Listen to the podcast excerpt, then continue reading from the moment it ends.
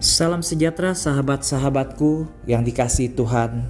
Kontemplasi Kamis 29 April diambil dari Injil Yohanes 13 ayat 16 sampai dengan 20.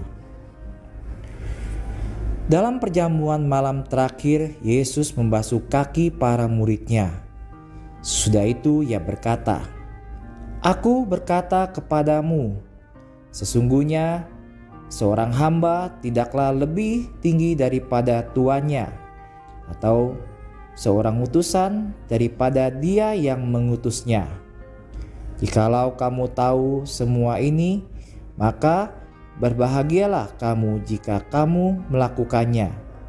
Bukan tentang kamu semua aku berkata, aku tahu siapa yang telah kupilih, tetapi harus genaplah nas ini. Saya tahu siapa yang saya pilih. Hmm, Anda Tuhan tahu mereka yang telah Anda pilih. Anda mengenal mereka lebih baik daripada mereka mengenal diri mereka sendiri. Anda mengajar para rasul dan memberi mereka teladan dan mereka belajar dari Anda. Anda telah memilih saya juga untuk beberapa misi pasti dalam hidup ini, dan itu meyakinkan saya untuk mengingatkan bahwa Anda sangat mengenal saya, dan Anda tahu untuk apa Anda menciptakan saya. Anda Tuhan seperti sutradara film yang mencoba menemukan aktor yang sempurna untuk peran yang sempurna dalam skenario tertentu. Sutradara film harus memeriksa katalog aktor sampai mereka menemukan seseorang yang sesuai dengan deskripsi karakter yang mereka butuhkan. Pada akhirnya, mereka menemukan seseorang yang cocok atau kurang lebih sama dengan peran tersebut, meskipun jarang yang sempurna. Sahabatku, jika sutradara film yang mencari aktor, tetapi Anda Tuhan tidak mencari mereka. Anda yang menciptakan mereka. Dan oleh karena itu, Anda membuat masing-masing sempurna untuk peran yang harus mereka lakukan. Anda tahu siapa yang Anda pilih dan untuk apa Anda memilih mereka. Santo John Henry mengungkapkan dalam doanya, Tuhan mengenal saya dan memanggil saya dengan nama saya.